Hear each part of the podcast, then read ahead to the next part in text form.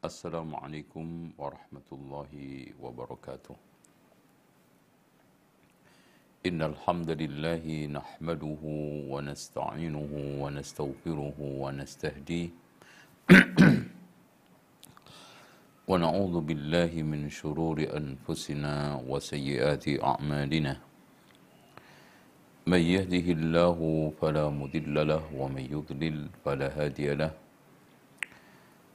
أشهد أن لا إله إلا الله وحده لا شريك له وأن محمدا عبده ورسوله. قال الله عز وجل يا أيها الناس اتقوا ربكم الذي خلقكم من نفس واحدة وخلق منها زوجها وبث منهما رجالا كثيرا ونساء واتقوا الله الذي تساءلون به والأرحام إن الله كان عليكم رقيبا.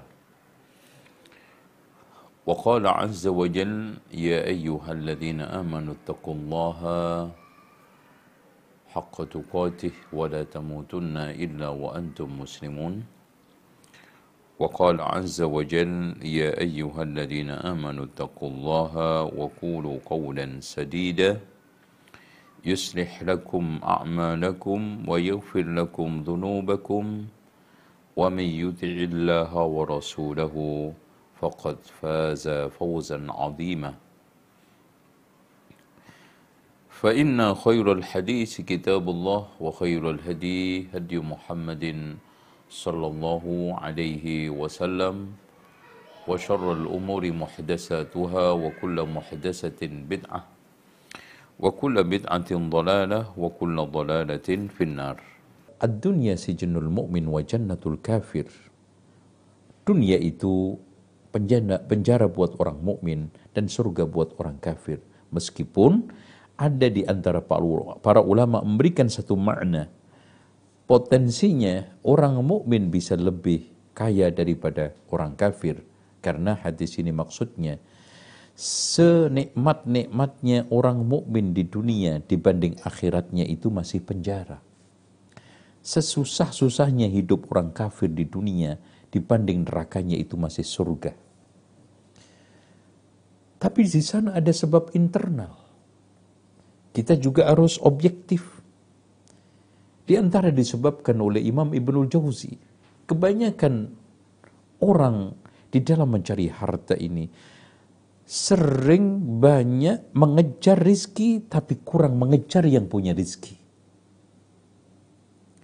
Begitu juga para penguasanya bergelimang dengan kenikmatan kekayaan, dengan menguras harta negara, dengan cara korupsi, curang dan yang lainnya.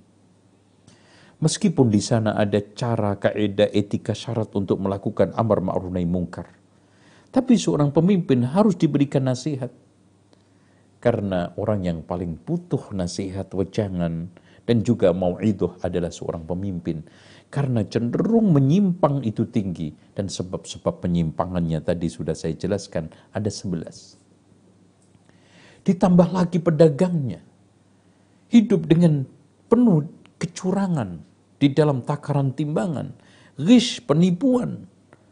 Dan juga di antara mereka berkelimang dengan riba. Secara umum karyawan, pegawai mereka hidup dalam kondisi tipu-tipu. Kalau tidak penuh dengan kepalsuan dan kemunafikan.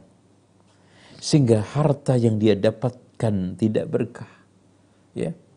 Karena mereka hanya gesit, pinter, mencari hak rizki, tapi kurang daya, kurang upaya di dalam cara-cara untuk bisa menjadi kaya. Bahkan orang kafir lebih pinter kadang-kadang. Apalagi kalau kita lihat kehidupan mereka yang di pelosok di desa.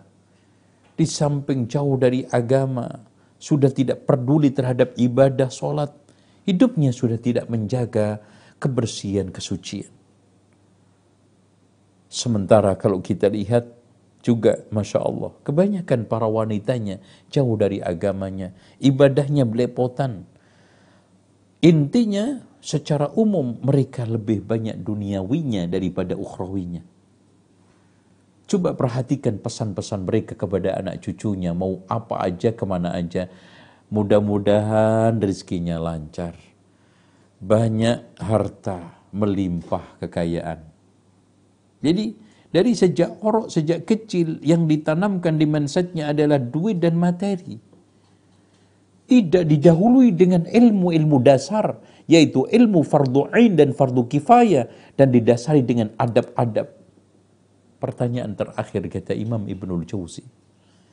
Siapa sekarang ini yang menjadi pelayan Allah, pelayan agama Allah, dan siapa yang sekarang ini mengenal Allah, mengenal dinul Islam, mengenal Rasulullah secara baik. Nas'alullah al-afiyah. Itulah yang saya sampaikan pada pagi hari ini sampai menjelang siang. Mudah-mudahan bermanfaat. Aku lu kau dihada wa asfurullahi wa lakum wa asfurullah aladim. Inna Allah wa alghafur rahim. Subhanaka Allahumma hamdika ashadu alla ilaha illa anta asfurka wa atubu ilaih. Wassalamu alaikum warahmatullahi wabarakatuh.